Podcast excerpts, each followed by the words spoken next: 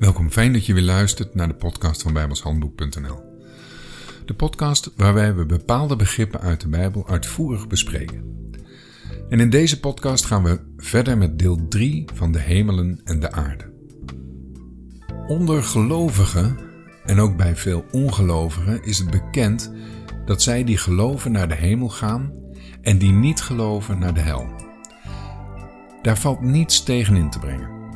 Het is trouwens wel een beetje raar dat als ongelovigen het over hun overleden dierbaren hebben, zij bijna altijd naar boven kijken, alsof de dierbare daar in de hemel is. Zij geloven niet, maar kijken toch naar boven, alsof er dan ineens wel een hemel bestaat. Een beetje inconsequent, maar goed, dat is een heel ander onderwerp. Wat in de Bijbel hel genoemd wordt, is iets anders dan wat men daar meestal mee bedoelt. Als er in de Bijbel hel staat, zou er eigenlijk dodenrijk moeten staan. In het Hebreeuws is dat de vertaling van het woord Sheol en in het Grieks van Hades. Dat is de plaats waar bijvoorbeeld de rijke man uit het verhaal van Lazarus terechtkwam.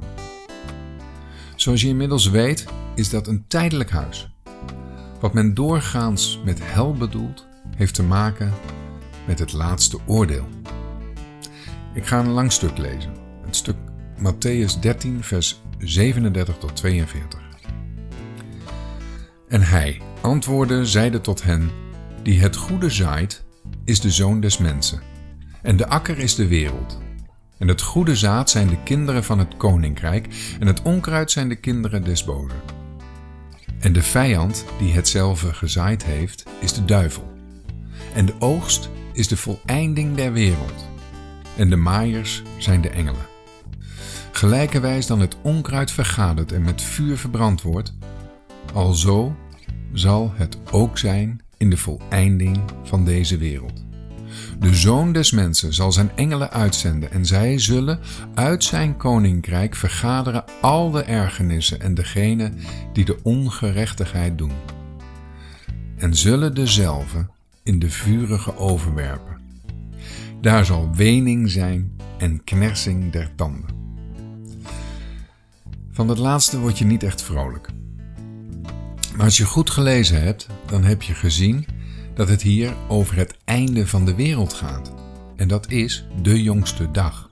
Dan wordt alle onkruid, alles wat van de duivel is, verbrand. En iedereen die niet gelooft in de Heere Jezus Christus is van de duivel. Je bent of een kind van God de Vader of een kind van Satan te vader.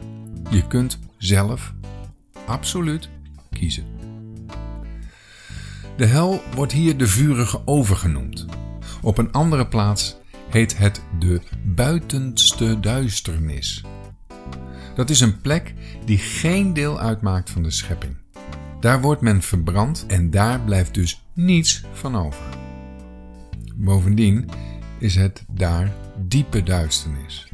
En waar duisternis is, is geen leven mogelijk. Om te leven heb je licht nodig. Matthäus 13, vers 43. Dan zullen de rechtvaardigen blinken gelijk de zon in het koninkrijk van hun vader.